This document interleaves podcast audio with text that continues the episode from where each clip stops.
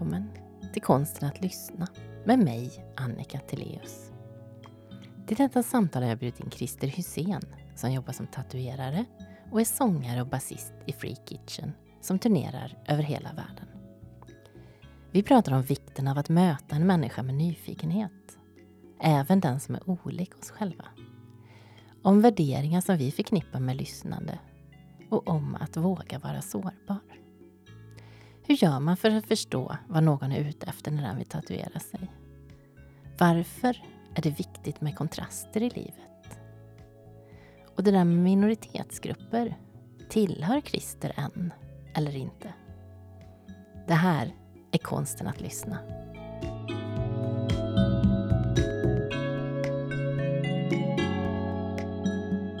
Innan vi börjar så har jag en ritual. Jag har en poddbön och den går så här.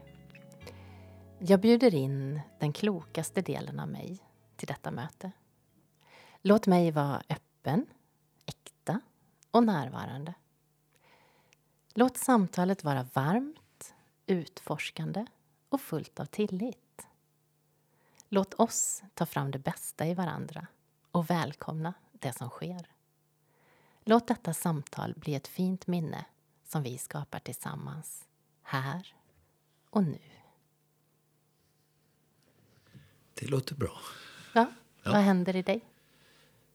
Nej, jag känner mig eh, positiv, lugn och eh, glad att vara här. Mm. Ja. Vad bra. Varmt välkommen, Christer Hysén. Tack så hemskt mycket. Mm. Jag tänkte börja berätta en eh, historia. Det var eh, rätt många år sedan. Eh, jag var på en fest. På den här festen så eh, sitter jag bredvid en eh, man. Han närmar sig 50. Han har eh, kostym och han berättar att han är vd på ett stort företag. Och eh, så kommer vi in lite på det här med vad man vill göra i livet. Och då pekar han lite längre bort i salen där den här festen hölls. Eh, och så säger han, han där borta, han är rockmusiker och turnerar jorden runt. Han jobbar som tatuerare. Han eh, ja, har kampsportare med svart bälte. Och här sitter jag i min kostym och är VD. Vad har jag gjort med mitt liv egentligen? Lite senare samma kväll så hamnar jag istället bredvid den här mannen som den första mannen pekade på. Och eh, det är lite lustigt för det är nästan samma historia fast tvärtom. För den här mannen han berättar om ja men här sitter jag och funderar lite på vad mitt liv har tagit mig. Och titta, titta på den här mannen där borta i sin fina kostym. Han är VD på ett rätt stort företag. Alltså vad har jag gjort med mitt liv? Ja ja. En av de här personerna var du. Ja, det känner jag igen. Det, det var det. Är det inte så att man ofta tänker så? Om, eh, om vägarna man har gjort eller valt. Eh, jag vet inte riktigt varför det är så. Det är svårt att eh, se allt man själv har åstadkommit eh, på sin egna, eh, egna väg, om man säger. Eh, det är lättare att, observera andra och se ja, hur, hur deras framgång har lett dem till en position eller plats. För man är ju mitt uppe i sitt eget hela tiden. Och, och, och det är ju någon slags... Jag vet inte, det, det är ju någon slags... Det kanske är det att man inte ser den andra människans kamp eh, överhuvudtaget. Man ser bara ett resultat, något yttre resultat av vart den människan har eller vart den människans väg har tagit personen då. Medan man själv är mitt i sin egen virvelvind och, och eh, håller på med, med, Man är ju inte framme där man tänker att man ska vara. Man och man. Jag tänker nog så utan att veta om det. Liksom, utan det är... Jag tror att man, det, när man kommer till en position, det är också en svårighet, när man kommer till en position oavsett. Som kampsporten var ju sådär, det var ju väldigt ja, för tydligt. vem av de här två var du? Eller är Ja, du? jag är ju den som eh, turnerar med rockband och tränar kampsport och, och håller på med väldigt många olika saker i livet. Ehm, jag gillar att göra saker. Jag gillar att, att, att hålla på mycket. Och ibland avundas jag folk som har en sak. Eller gör en sak. För att jag vet ju att om man gör en sak väldigt mycket så blir man oftast rätt bra på det. Gör man väldigt mycket saker så kan man bli ganska bra på ganska mycket. Ehm, men man blir ju lite spretig också. Samtidigt som man får uppleva oerhört mycket. Men som man säger med kampsporten då med den här... Ja, nu är jag ju kamp... Det var, jag har ju tränat väldigt, väldigt många år. Och då, när man började med det så var ju tanken att den dagen jag får svart bälte, då kommer alltså det, det kommer vara magiskt. Jag kommer ju bli som en sån här kampsportsgud som bara går in och det, det är alltid bara fantastiskt. Och så, så har man det som vision och, och, drömmer om känslan att få stå där med det här på sig. Man tittar på dem som har det och man, ja, det man är nästan idoliserar folk. Och så en dag, efter mycket, mycket, mycket tränande och, och, och kämpande och svettande och så, så, har, så får man ta det. Så när jag då sitter där, eller står där, så kände jag mig egentligen inte ett dugg bättre. Utan kampen är ju kvar. Man, man, jag vill vidare. Jag vill liksom bli bättre ändå från den punkten jag är på. Och det kanske är det som gör att man... Det är lättare att se på någon annan och, och, och eh, se den personens resultat. För du, ser, du känner inte den personens känslor och, och vilken, vad den är i relation till vad den var och hur den personens kamp är. Det tror jag är, kan vara en anledning till att man säger så om varandra. Istället för att kanske... Det gör man ju nu för tiden. Ibland så får man ju ta sig i, i kragen och sätta sig ner och, och tänka på vad man faktiskt har åstadkommit och vad man har valt. Jag tycker också att det är en viktig insikt, tror jag, som man kom till i sitt liv. Att eh, jag har ju valt vissa vägar. Det är inte det att jag är inget offer av eh, omständigheter. Jag, jag inte, att jag inte är en vd på ett företag det beror inte på att jag inte har någon drift eller att jag inte har... Utan jag har ju valt andra vägar. Nu är det inte säkert att jag hade blivit det ändå. Det ska... Men jag har inte valt den vägen. Utan jag valde att fokusera på träning, eh, musik, eh, gå på universitetet. Alltså, jag har valt att göra, gå väldigt mycket efter sånt som jag har känt som passion.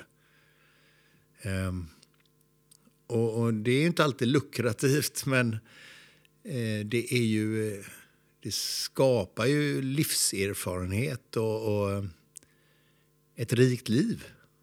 För det är också en fråga, vad är ett rikt liv? Det kan man ju...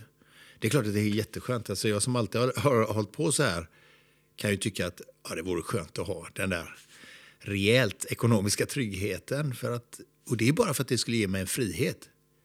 Skulle liksom, när man frågar folk ja, men om du hade jättemycket pengar. Nej, men jag vill bara ha jättelite så att jag bara... Nej, jag vill ha jättemycket. För det skulle ge mig en total frihet att fortsätta göra det jag tycker är roligt och intressant. Sjukt egoistiskt, men... Eh, skulle du göra samma saker då? Ja, det skulle jag. Jag skulle bara sova lite lugnare istället för att ligga och räkna vissa nätter. Hur ska det här gå ihop? Jag har ingen aning. Och sen så får jag bara glömma det ett tag och så får det att gå ihop ändå. Och så, jo, jag skulle göra samma saker. Jag tycker om de sakerna jag gör. Så då, då hade jag en snickarfirma också ett tag och höll på med. För det har jag gjort sådär lite grann också. Och typ gått. Jag började tidigt och var med på byggen och lära mig. Och så tänkte jag, det, det, jag hänger på. Och så hade jag den i tio år i bakgrunden sådär. och spelade och snickrade. Och spelade och snickrade. Så att jag, när jag kom hem från turnégrej så kunde jag jobba som en vanlig person. det var väldigt konstigt ibland när man eh, har stått...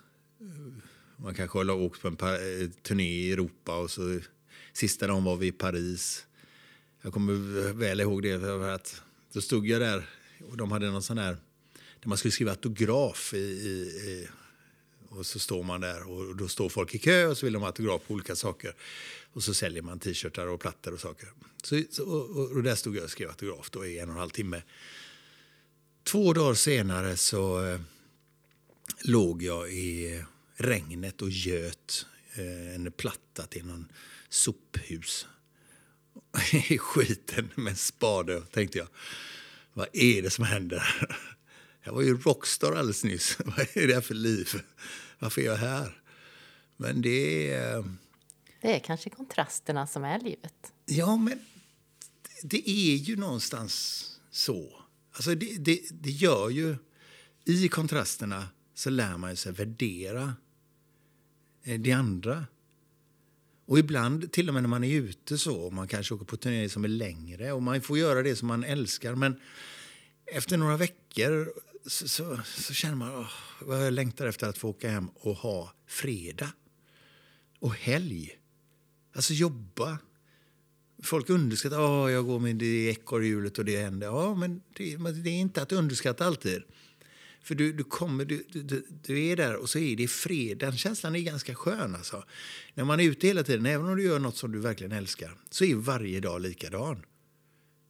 Och, och, oftast är det ju fantastiskt. Liksom. Man, man, träffar fantastiska människor och man får stå där. Och, och, och, det är ju helt overkligt att folk kommer och vill står och nästan och hyllar ändå. Men det är ändå så att, eh, att ta fredag med familjen och köra lite Tacobuffé. Tacobuffé, ja. kanske till och med ja, jag sitta och klaga på Idol eller någonting förfärligt, men det finns något väldigt eh, skönt med det. Och så är det helg och så har man den och så vad det nu är och vad man hittar på. Det är ju olika för alla såklart. Men, och sen börjar det. Så blir det måndag, men då, då kör man på. Men då, det är också, nej kontraster, det är väl inte dumt. Men det, jag gillar, det är väl det, jag gillar, jag gillar båda. Mm. Jag vill, jag vill kanske, göra allt. Kanske det där med att ha kontraster och båda. Att det handlar om balans. Att balans handlar inte om att stå precis blickstill på en balansbräda utan det handlar om att det är utslag åt lite ena hållet och så är det utslag åt lite andra hållet. Och någonstans så finns det en jättestor eh, skjuts i närvaron mm. i kontrasten. Verkligen. Det, och det där är ju olika för olika människor. Jag menar, jag känner folk som... Jag skulle, de säger att jag skulle aldrig orka hålla på som du gör. För att jag gör massa saker. Men jag skulle inte orka att inte göra det. För att jag tycker att för mig är det liv. Att det är väl liv att vara i rörelse. Det låter som att jag är helt, jag håller på hela tiden. Alltså jag kan verkligen stänga av ibland också. Där har vi kontrasterna. Liksom att, då kan jag känna så här, nej, nu, idag orkar jag inte göra någonting. Och så känner jag mig sjukt oproduktiv då när jag ligger där. Liksom.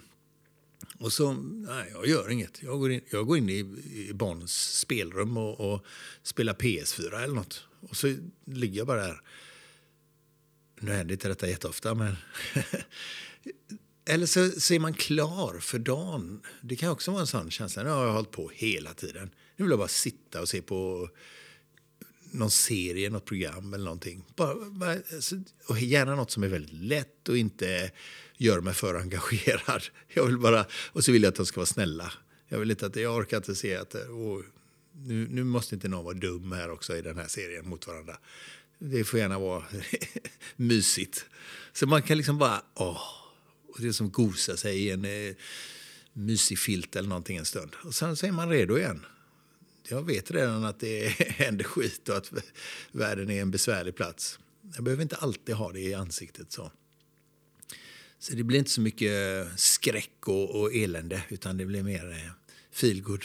När, man, när jag pausar känner jag, åh, bra. Ja, det slutade lyckligt. Gud vad bra. De fick varandra. Det, blev jag, det tyckte jag de skulle få.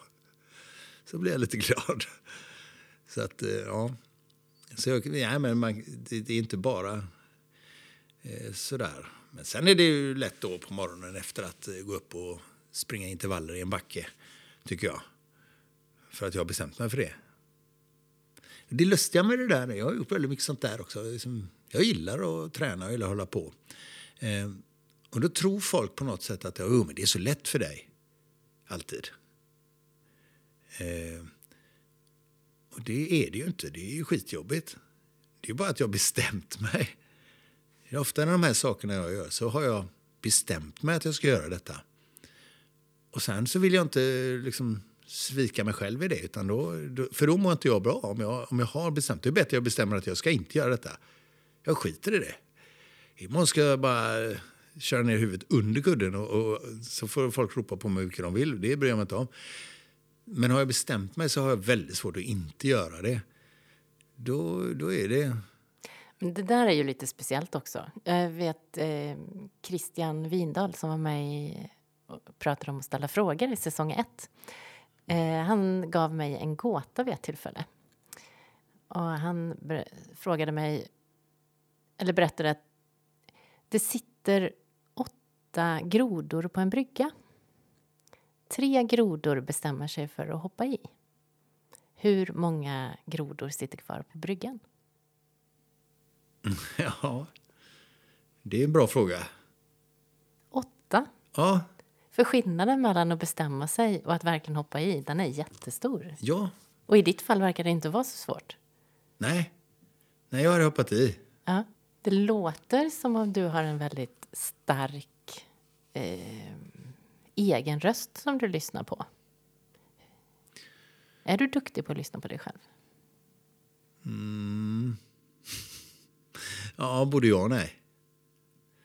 Jag är, ja, på ett sätt är jag ju väldigt bra på att lyssna på mig själv. Eh, när jag bestämmer mig för saker och ska göra saker. Men jag är också rätt självkritisk då kanske jag borde lyssna på den snälla rösten ibland. Mm, har du två röster i dig? Ja, säg inte det. Då kanske man får... Eller fler. ja, precis. Ja. hur många, hur många röster har du? Varför har du sån jacka med så långa ärmar? Den vill jag inte ha.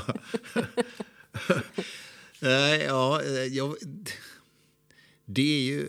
Det måste jag säga att det är, det är klart att... Ibland så kanske man skulle lyssna lite mer på den här eh, snälla rösten som pratar om hur ja, men se här vad, vad, vad bra det här är. Och så. Men så är jag lite, lite rädd för den rösten också. För att jag känner att den andra rösten, den säger man ska inte, du ska inte bara nöja dig nu. Samtidigt som jag tycker att jag kan vara sjukt nöjd över saker. Men när, när saker fungerar och, och, och liksom det flyter på så kan jag känna att jag kan känna mig oerhört nöjd över att... Och det är bara en vardagssak. Det behöver inte vara något märkligt. Utan... Ja, nu flyter det bra. Barnen sitter och ser trygga ut och katten ligger med magen upp och känner sig trygg. Ja, det här, är, det här går bra. nu måste vi ha gjort något bra. Nu finns det liksom en, en trygghet och ett lugn. Och då blir jag nöjd över det. Samtidigt som när det gäller mig själv så har jag svårt liksom att nöja mig. Ja, men nu har jag nått den här. Nu fick jag svart bälte. Nu är jag nöjd. Nej, det, det, finns ju mer att utforska. Det finns ju mer eh, att utveckla. Jag, och jag hoppas alltid, och jag vill nog alltid ha den med mig. Hur gammal jag än blir, om man nu får bli gammal. Eh, så att jag vill. Jag hoppas att jag alltid kommer ha den känslan. Inte för att driva mig själv eller tvinga mig själv, men för att att utvecklas måste ju vara... Finns det något syfte med att, knalla runt här i ja, den livstiden man får då? I, I, min värld så är det ju kanske att lära sig saker, utvecklas och kanske bli lite bättre människa. Eh, och då menar jag inte bara att jag själv ska ha de här egoistiska uttrycken utan att jag också kan eh, gentemot andra, min familj såklart, men även socialt, var en mer tolerant, en, en, eh, en individ som ja, är lite mer upplyst och lite mer, eh, vad ska man säga? Ja, men det är ju så här gamla, en vis gammal man eller dam eller hen eller du får vara vad du vill. Jag lägger inte så stor vikt vid det heller. Det spelar inte så stor roll. Eh, är du en idiot så tycker jag det är jobbigt. Men är du en människa som är lite knäpp men försöker så är det ju helt okej. Okay. Alltså, men en vis gammal person, det är en sån där skön känsla. Det är Att någon sträva som, mot. Ja, men det tycker jag. Jag ser det som någon som, som, som, som bara har en förståelse för saker och ting. Vilket gör att man inte drar en massa förhastade slutsatser lika fort eller lika mycket. Du drar inte iväg, utan du kan förstå saker. Och det tror jag det behövs. Hur ska man göra för att lyssna på den som är olik en själv? Ja, det, det, det är nog svårt. För att det är ju alltid lätt att eh, folk dras nog till folk som tycker ungefär likadant. Jag tittar bara på hur algoritmer Ja, styr. ja. Vi får mer av det vi gillar och observerar. Och lite så är det ju i livet också. Att vi får bekräftat det vi tycker och tänker. Men i livet så kan du utsättas för annat. Om du liksom styrs av algoritmer så kommer ju de se till att du utsätts för samma.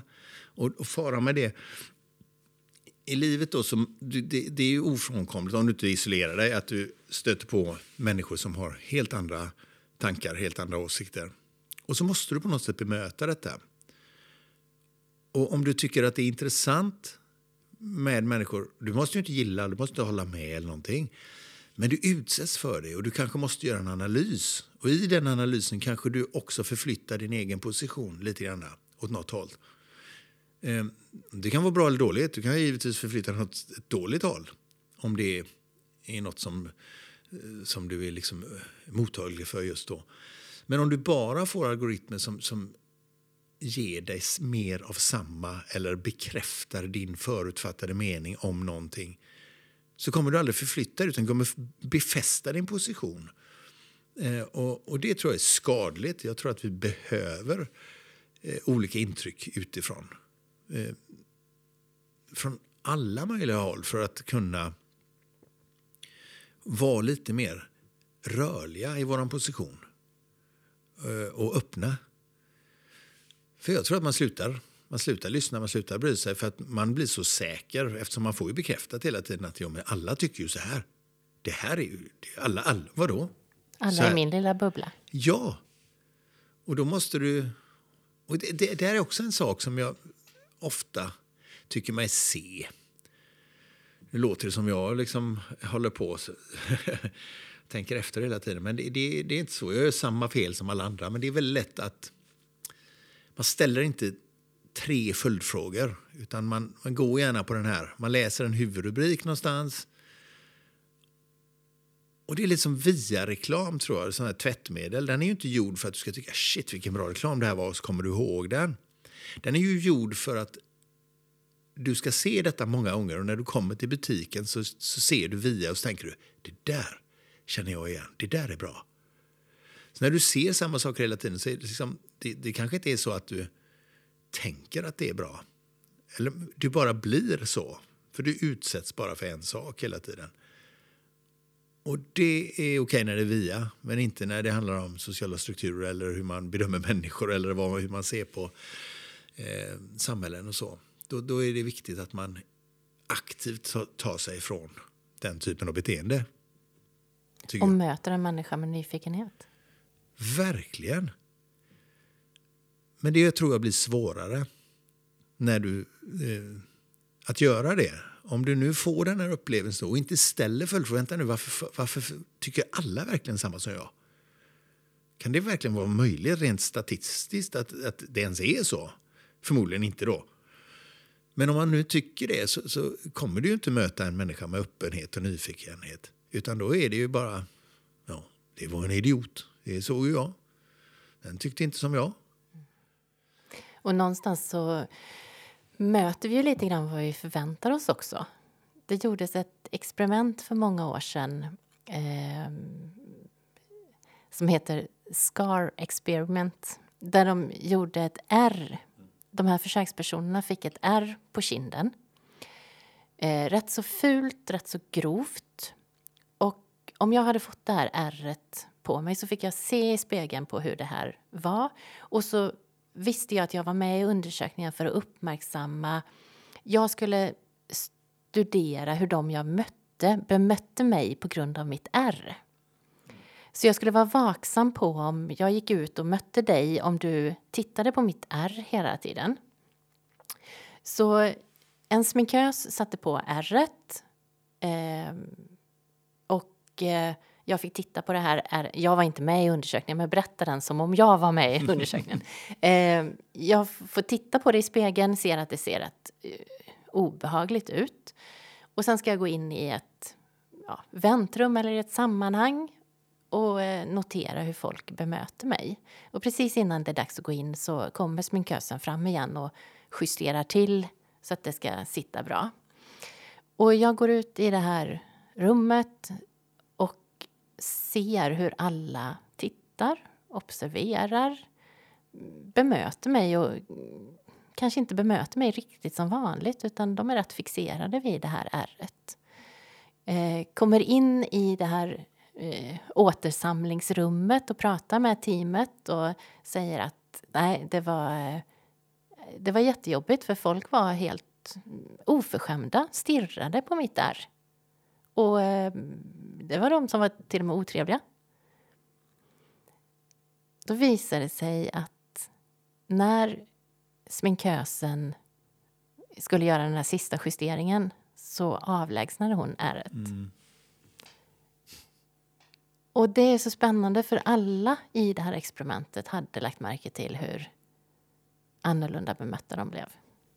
Och hur folk stirrade på, sitt, på det här ärret som inte ens existerade. Mm. Ja, det, det är ju en... Ja, men det kan man förstå. Alltså jag, lite den upplevelsen. Kan inte du känna det ibland? Jag, jag kan känna så här. Jag går ut en dag. Och så är jag ute och rör mig bland folk. Jag tycker att alla är... Alla hälsar och alla är positiva. Den, alltså, gud vad trevligt. Vad, vad trevliga alla är. Och sen en, en annan dag kan du gå ut och uppleva att ingen tittar upp. Ingen, det verkar som alla är... Vad har hänt? Liksom? Alla är sura. Otrevliga människor. Grannen vinkar inte. Alla, alltså det, det, skit. Något är kast. Men det, det, den enda, den enda liksom konstanten i den här grejen, det är ju jag. Och det är lite samma sak, fast inte så tydligt som är. Där går det verkligen att påvisa att det, du upplever eh, hur folk beter sig mot dig beroende på din förväntade känsla. Då. Och här vet jag inte ens om vad jag har för känsla. Jag går bara ut. Nu, nu har jag noterat det ett gäng gånger, så nu börjar jag tänka sådär att jag måste utstråla någonting idag som är positivt eller som gör att folk... Varför, det, det var en man som bara liksom blicken upp och hälsade och glad och någon började prata helt eh, på en busshållplats helt utan anledning och, och, och vi pratar om svenska nu det är inte i Europa. Utan då tänker jag det, det, det måste vara samma fenomen som detta med ärret. Det måste vara jag som utstrålar någonting annat den dagen. Och det kan man ju, det, det kan man ju inte gå och tänka hela tiden, oh, jag måste utstråla det här och det här. Men det kan vara bra att påminna sig om den dagen man tycker att alla är idioter. Då kanske man ska gå hem. Då kanske man ska, ja precis.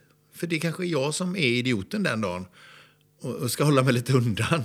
Jag kanske ska ha en låg profil den dagen i alla fall. Om jag nu inte kan gå hem. Eller fundera på hur gör jag för att förändra mitt tillstånd? Ja, ja men det funderar man När man är varse om detta så, så funderar man ju på hur kan jag förändra mitt tillstånd? Och det är inte lätt. Det här är ju liksom, för ibland är det så små subtila signaler kan jag tänka mig. Så att eh, alla de här sakerna är ju svårt. Det finns ingen... Jag undrar om det finns någon Idag finns det något som, som stör ihjäl mig och det är metoder för allting. Det finns metoder för allting. Och så är det för sådana självutnämnda experter. Hur många experter har vi inte hört nu under den här pandemin och allting? Alla är experter. Och nu är det ekonomiska experter som talar om räntorna hela tiden. Men de har ju fel. De har ju fel hela tiden. Så att då kanske man ska vara lite ödmjuk och inte vara expert och, och, och liksom tala om hur det är. Jag lyssnade på en eh, föreläsning för inte så länge sedan och det var en eh, man som han var nog faktiskt expert på att eh, värdera företag globalt sett. Och han höll ett föredrag om just eh, hur vi ska agera eh, faktorer i en eh, osäker värld. Hur hanterar vi en osäker värld? Mm.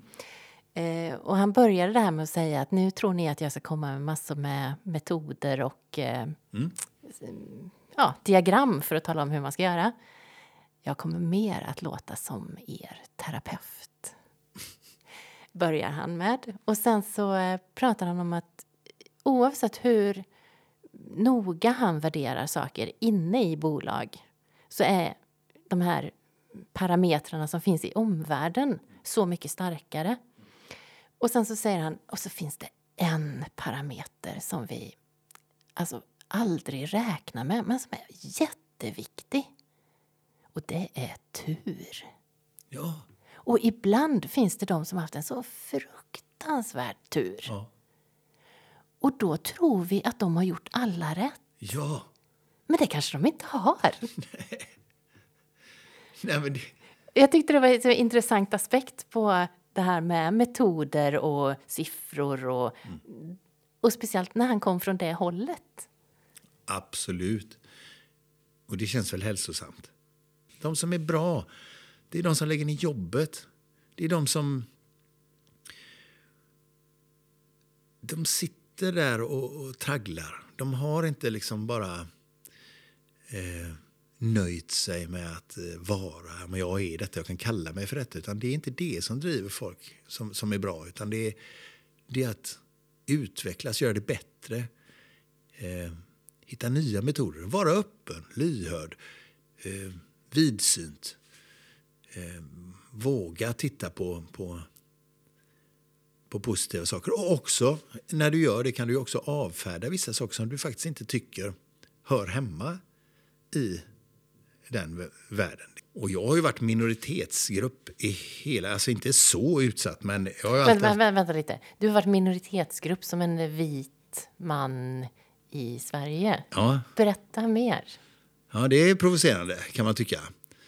Eh, men eh, jag har alltid varit... Eh, ja, först var jag punkare, långhårig och, och spelade rockmusik. Och på den tiden, 70-80-talet, så, så såg man eh, kanske inte lika...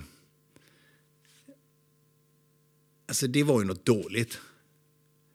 Att vara tatuerad och... och eh, då, då, då, då tillhörde man en viss grupp i samhället. Och det var ju kanske inte den mest städade gruppen du tillhörde. Och det är där jag menar att du hamnar då i en minoritetsgrupp. Utan då, då hamnar du ofta bland... Eh, det, är, det är ju nästintill brottslingar som eh, ser ut så och, och, och, och bär sig åt så och inte går att skaffa sig ett riktigt jobb. Och, eh, så det är det jag menar med den... Det, det, jag har alltid varit på den sidan lite grann. Eh, där du, du blir ifrågasatt helt enkelt. Varför, har du, varför ser du ut så? På den tiden, varför har du trasiga byxor? Varför har du liksom inte klippt håret? Varför har du örhängen? Varför har du, varför har du såna här nitar och varför har du läderarmar? Varför, vad är det för fel på dig? Kan du inte bara vara som de andra i din ålder som, som uppför sig normalt? Och, och, och, det är det jag menar med... Då hamnar man ju i en, en, en... Det är ju en subkultur som blir en minoritet egentligen. Och den gruppen blir liksom en minoritetsgrupp socialt då. Och, och jag förstår ju självklart att har du en läggning... eller Det finns ju problematik som är så mycket allvarligare, för det här är ju vald problematik. Så finns det ju icke vald problematik också. Men attityderna finns där ändå. Och de har jag mött i hela mitt liv eftersom jag ofta har varit i, i, på, på, andra sidan eh, av eh, det sociala normsträcket. Även om jag är Eh, enormt vanlig egentligen.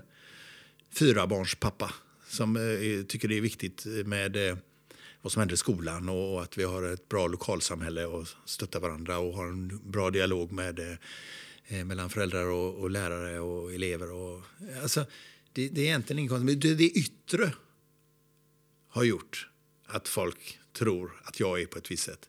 Det gör de fortfarande när de ser mig. Jag är rakad, jag har skägg och tatueringar och, och tränar mycket. Då tänker han ju med en gång olika saker. Och det gör inget, det är dit jag vill komma. Jag vet det vid det här laget. Att ja, jag har ju gjort dessa saker.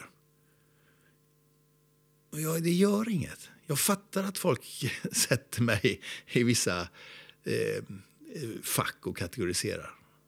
För det är så vi fungerar som människor. Det är förmodligen en överlevnadsinstinkt, säger Anders Hansen i alla fall. Ehm, där vi har varit tvungna att och, och, och liksom kategorisera för att kunna överleva. Man vet att den är liksom, är det något som prasslar i busken så kan det vara något farligt. Det är bättre att dra därifrån än att sitta kvar och chansa. Äh, jag skiter väl i det. Det är nog ingen fara. Den här gången, jo det var det. Sabeltandad tiger, skitdock. Så det, det, är ju något helt normalt. Men eh, om jag då som den här gruppen blir för arg och tycker att jag ska, ni ska, jag är som alla andra, och det är jag. Jag ser inte ut som alla andra. Och det, det får jag leva med. Eller hur? Så att, men vi har ju ökat den toleransen så mycket i landet eh, sen jag var liten tills nu, tycker jag. Och det är en fantastisk utveckling. Det är en väldigt bra sak. Du har ju varit i många olika bubblor. Mm. Ja, men det har jag. Jag har känt skillnaden. Ett, ett tag så när jag gick på på IOM och läste ekonomi så, så fick jag för mig att jag ska inte vara i den här bubblan. Utan då klippte jag mig och så hade jag kostym och sen jobbade jag som chef på Folkuniversitetet ett tag i. Eh, och då såg du inte mina tatueringar, du såg ingenting av det som, som, som jag hade som andra yttre. Alltså jag hade inte det här långa håret, jag hade inga synliga tatueringar, ingenting. Utan då, då, och då blir du bemött på ett helt annat sätt. Um, och jag vet inte, alltså, det är väl jag tror bara det att du måste vara nyfiken på individer. Egentligen. För är du inte det så kommer du, och du kan inte hjälpa det, Eh, gå efter dina förutfattade meningar. På grund av säkert någon genetisk kodning som vi har. Så det måste vara nyfikenhet som, som vad är det här? Vem är den här personen? Jag kan ju ha förutfattade meningar. kommer någon med som en stekare med backslick och en eh, tröja, rosa tröja över axlarna som sätter sig och, och kör någon style. Och så känner jag, oh, vilken idiot. Och det vet jag ju då att det, vad är det? Det är samma sak åt andra hållet.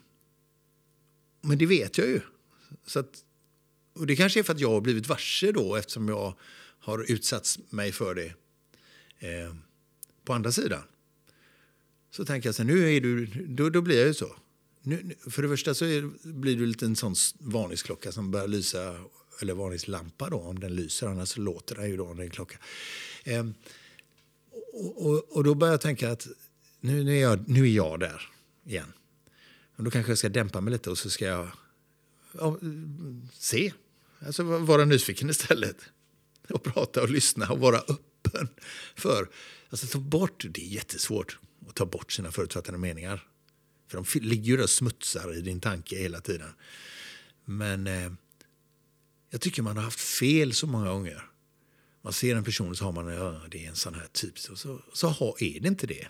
När man väl lär känna en människa och ser att... Men det krävs ju att du försöker lära känna den ja, personen. Ja, mm. det är enda sättet. Mm. Jag funderade på det häromdagen. Att lyssnandet för mig handlar också om värderingar. Vad har jag för värderingar som driver mitt lyssnande? Och jag landade i att en nyfikenhet på andra människor. Mm. En nyfikenhet på andra perspektiv. Mm. Förmågan att eh, tänka att jag kan ha fel. Nu är det läskigt. Det gör jag. Det är jätteläskigt, men det är ändå en värdering som man kan ha. Respekten för varandra. Och att tro att olikheter berikar. Det där är värderingar som är viktiga för mig. Och som driver lyssnande. För är någon av dem borta så är det svårt att lyssna. Men hör du vad svårt det är? Som säger. Jag håller med dig på alla parametrar. Ja, definitivt. Mm. Men allt detta kräver ju att du gör dig själv sårbar. Eller hur? Om du inte vågar vara sårbar, om du inte vågar säga att, till dig själv att jag kan ha fel, så kommer du klämma dig fast vid dina förutfattade meningar. Och jag tror att många idag, inte bara idag, utan jag tror att många människor är väldigt rädda. Det är någon slags överlevnadsinstinkt att man klamrar sig fast vid sina föreställningar, sin roll, vad man är.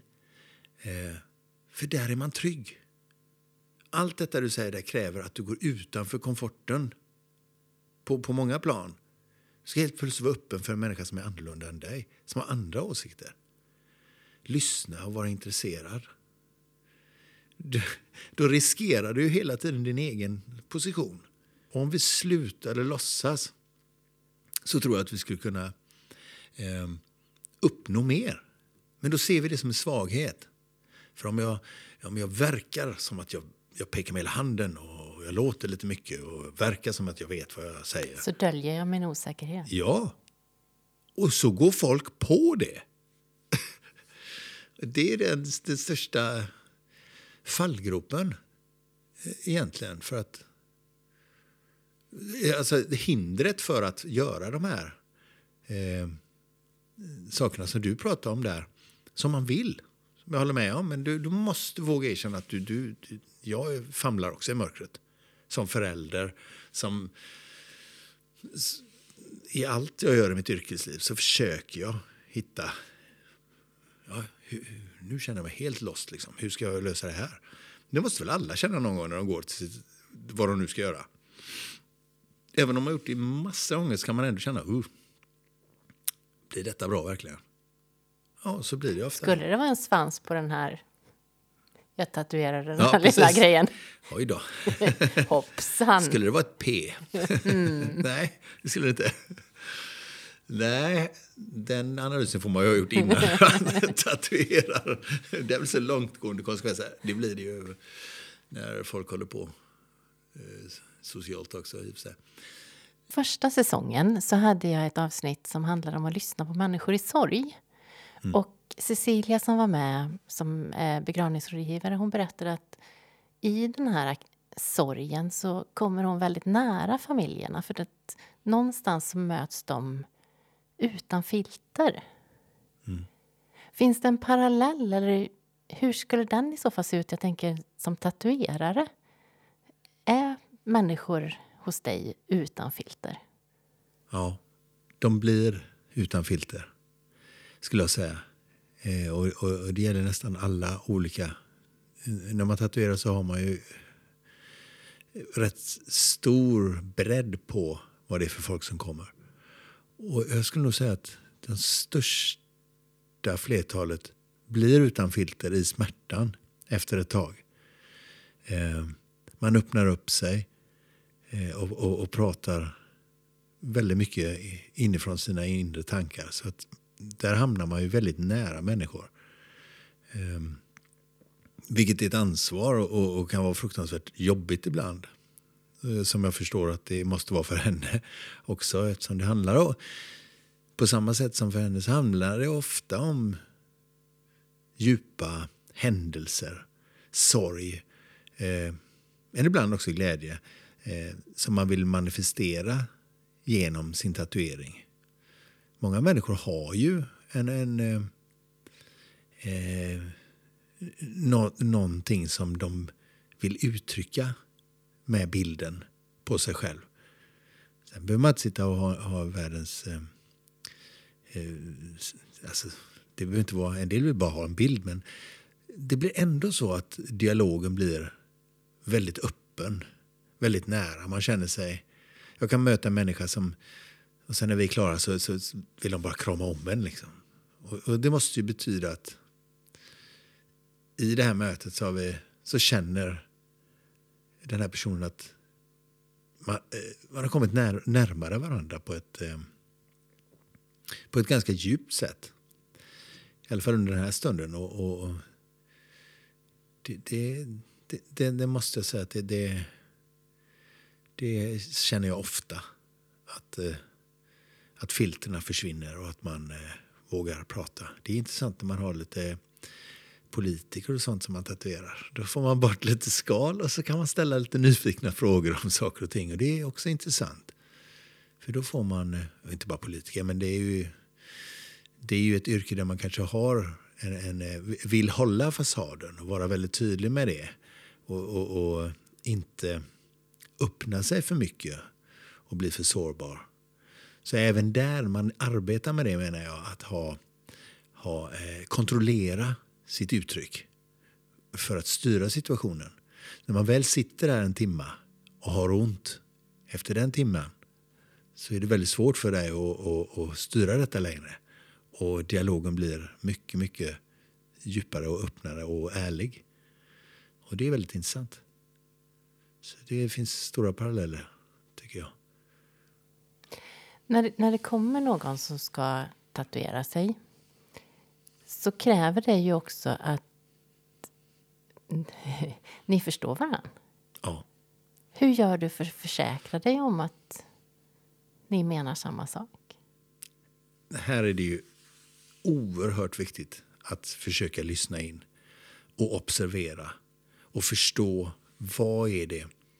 Jag kan få en bild ibland och jag förstår ingenting. Vad är det du gillar i den här bilden? Den är ju förfärlig. Och så skickar de en exempelbild på en tatuering som är jättedålig. Och jag förstår inte, varför har den ens kommit till mig? Jag gör ju inte ens sådana här saker. Och då måste jag, det, det, så säger jag ju givetvis inte, utan då får jag ju ställa frågor om vad är det du gillar i den här bilden? Vad är det som, som, som du vill uttrycka? Jag måste försöka vara ännu mer öppen för vad den här personen vill ha. Framför oftast har det inget med bilden att göra riktigt. Det finns små element, någonting, något uttryck som de har fastnat för. Och eh, då, eh, då gäller det verkligen att känna efter. Vad är det personen vill ha? Och sen så får man skissa sig fram lite grann. Tänker du åt det här hållet? Vill du ha det så här? Är detta det som är... Ja, ja, ja inte den. Ja, nej, jag hatar rosor liksom. Jaha, det sa du inte. Det var en blomma med på bilden. Ja, en blomma, men inte den typen av blomma. Alltså, det, det, det är levande. Och det säger jag till dem också. Det, det måste du få vara. Var inte rädd för att, att uttrycka det du känner. För när vi väl börjar tatuera, då kan vi inte göra någonting. Fram till dess kan vi göra förändringar. Eh, vi kan göra är det något som du känner, jag brukar prata med om magkänslan, den gamla Känner du något i magen så våga säga det. För det där kommer att störa dig alltid annars. Så att det gäller verkligen att, att vara öppen och lyssna på vad de egentligen vill ha. Och lyckas du med det så, så blir ju folk nöjda. Annars kan du göra världens bästa tekniska tatuering som du är mest stolt över av alla du har gjort. Men kunden är inte nöjd. För den fick inte vad den ville ha. Jag har också varit i, i, inom det militära en del och, och, där gjort lite olika typer av övningar. Eh, bland annat varit ute och överlevt på överlevnadsutbildningar både sommar och vinter. Och, och, det här är olika. Du ska lösa problem, du ska göra orienteringsuppgifter, du ska göra saker. Du, du blir påverkad mentalt när du håller på länge. Men du ska ändå lösa grundläggande basala problem. Och när man sitter hemma i soffan så känns det ju, ah, shit vad coolt, det här ska jag göra. Det kommer gå så sjukt bra. Jag är grym. Ja, men sen när du går där ute och tränar för detta, femte timman i skogen och släpar dina 26-27 kilo, du försöker få i dig näring, då är det inte samma sak längre. Allt är lätt när du sitter och har det bra. Det finns så många steg i allt som vi har idag, som vi bara tar för givet, där det har funnits andra människor som har en kompetens, en kunskap som, som har löst de här problemen för dig. Där har vi det igen, liksom. den här ödmjukheten inför att kanske vara intresserad, nyfiken på andra människor för att de är en del av allt du själv har. Även om du är den här oerhört framgångsrika personen som sitter där, som vi pratade om förut med analysen. För du kanske bara hade tur. Du är inte ett snille mer än någon annan. Liksom. Men du kanske får mer tur om du går ut och möter världen med ett leende. Jag tror vi alla får mer tur om, om vi gör det. Mm. Och som ett medskick till dig som lyssnar fundera på hur möter du människor som är olika dig? Hur håller du dig nyfiken? Och hur ger du dem en chans att ja, visa att de kanske inte är som du förväntar dig? Ja. Mm. Stort tack för att du kom hit, Christer. Tack för att jag fick vara här.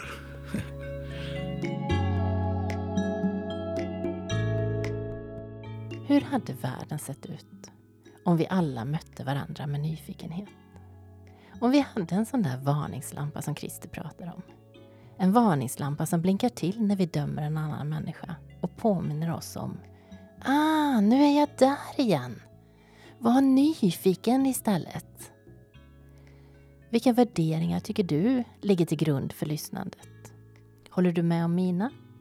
Nyfikenhet, respekt, tro att olikheter berikar och tanken att jag kan ha fel.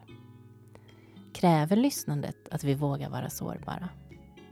Vad skulle vi kunna uppnå om vi slutade låtsas att vi har koll och erkänna att vi famlar i mörkret då och då?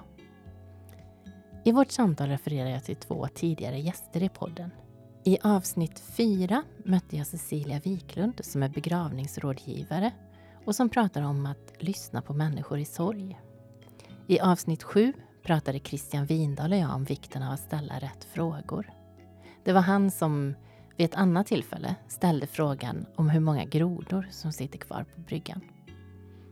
Har du feedback på avsnittet så kan du mejla till feedback.konstenatlyssna.se. Dit kan du också skriva om du vill boka mig som föreläsare, kursledare eller för att leda workshops och utvecklingsprocesser. Du har väl inte missat att konsten att lyssna även finns som bok? Vill du att fler ska bli bättre på att lyssna så tipsa gärna om boken och podden. Du kan också ge podden betyg på Spotify eller där du lyssnar på poddar. Tack för att du har lyssnat.